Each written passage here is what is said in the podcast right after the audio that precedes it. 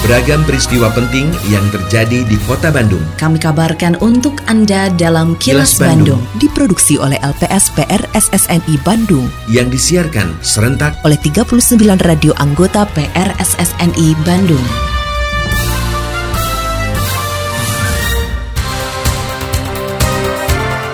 Sejumlah informasi aktual kami hadirkan untuk Anda dan inilah informasi utamanya.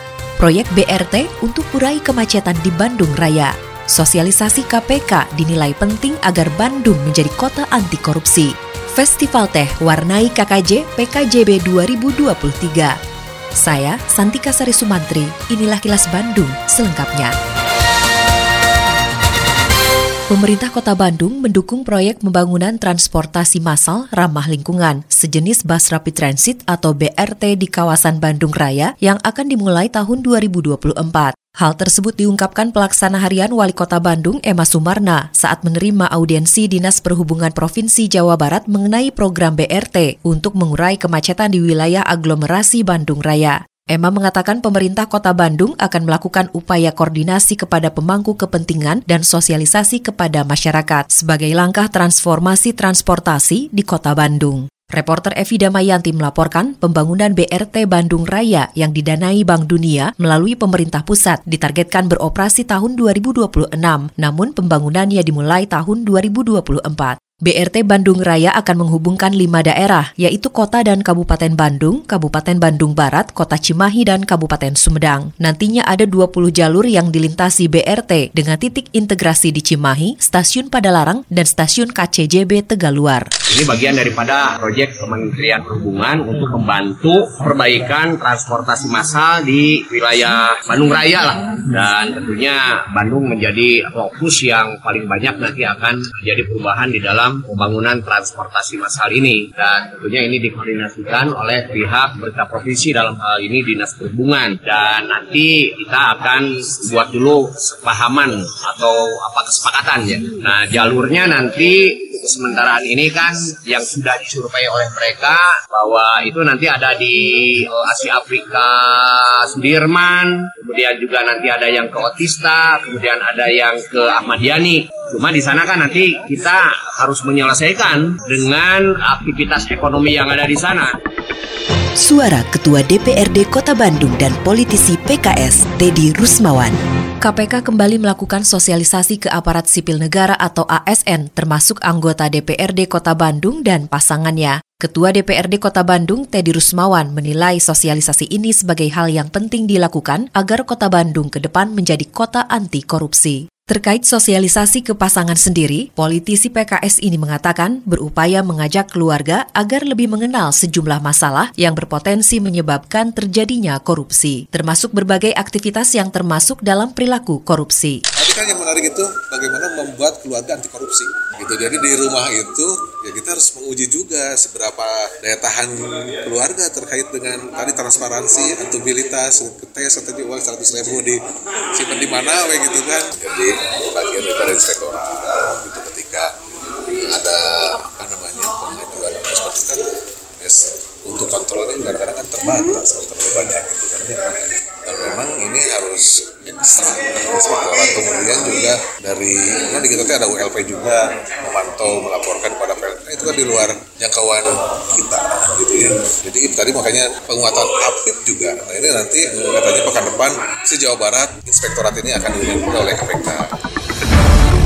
Kini, audio podcast siaran Kilas Bandung dan berbagai informasi menarik lainnya bisa Anda akses di laman kilasbandungnews.com.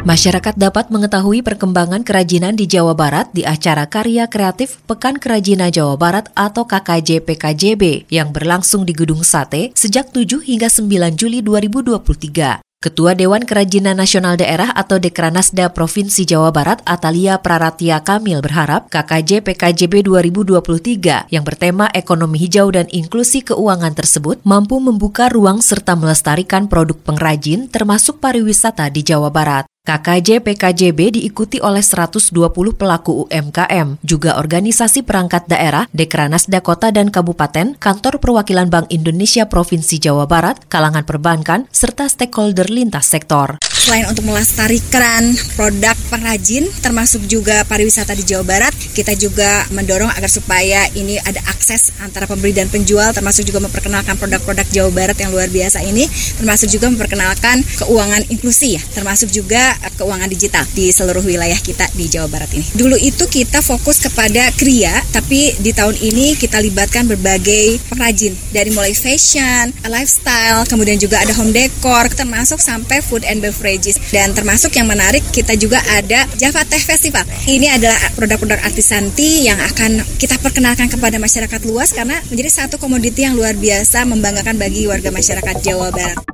Terkait dengan berita sebelumnya.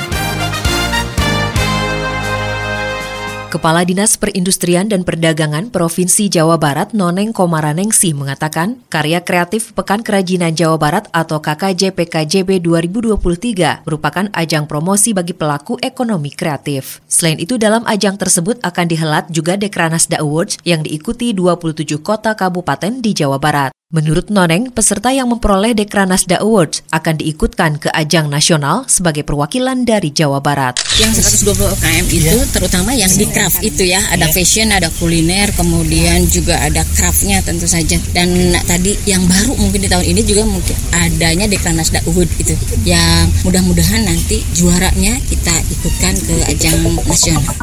Masih terkait dengan berita sebelumnya.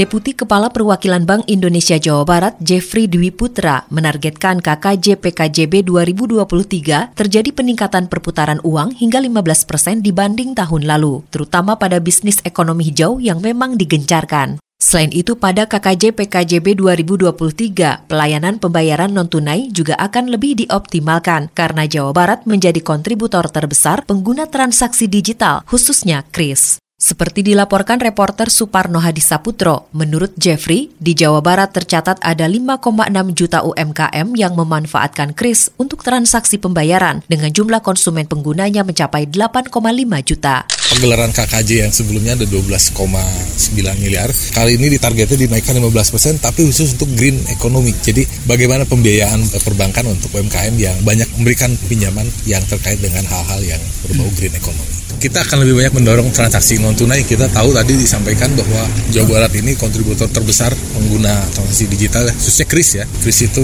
Jawa Barat itu mungkin hampir 30 persen ya, di mana UMKM-nya penggunanya ada hampir 5,6 juta, sementara pengguna Krisnya konsumen itu 8,5 juta sehingga mungkin hampir 30 persen dari kontributor nasional.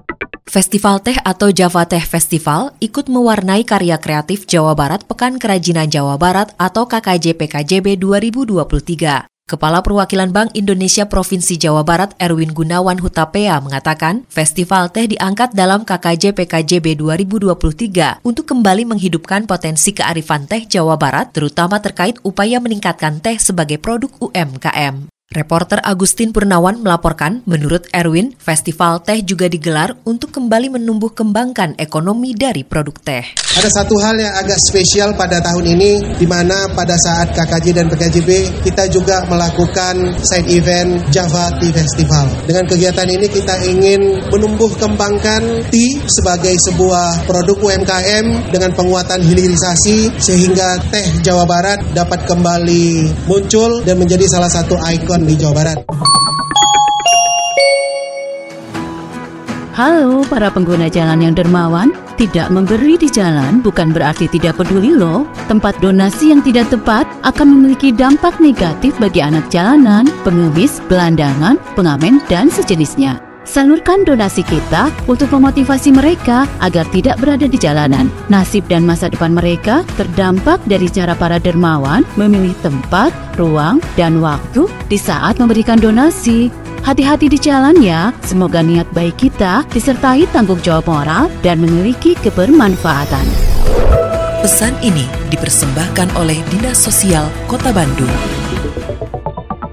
Tetap jaga kesehatan diri dan keluarga dengan terus menerapkan perilaku hidup bersih dan sehat. Meski pemerintah sudah menetapkan status pandemi COVID-19 di Indonesia berakhir dan mengubah COVID-19 menjadi penyakit endemi di Indonesia. Terima kasih Anda telah menyimak kilas Bandung yang diproduksi oleh LPSPR SSNI Bandung.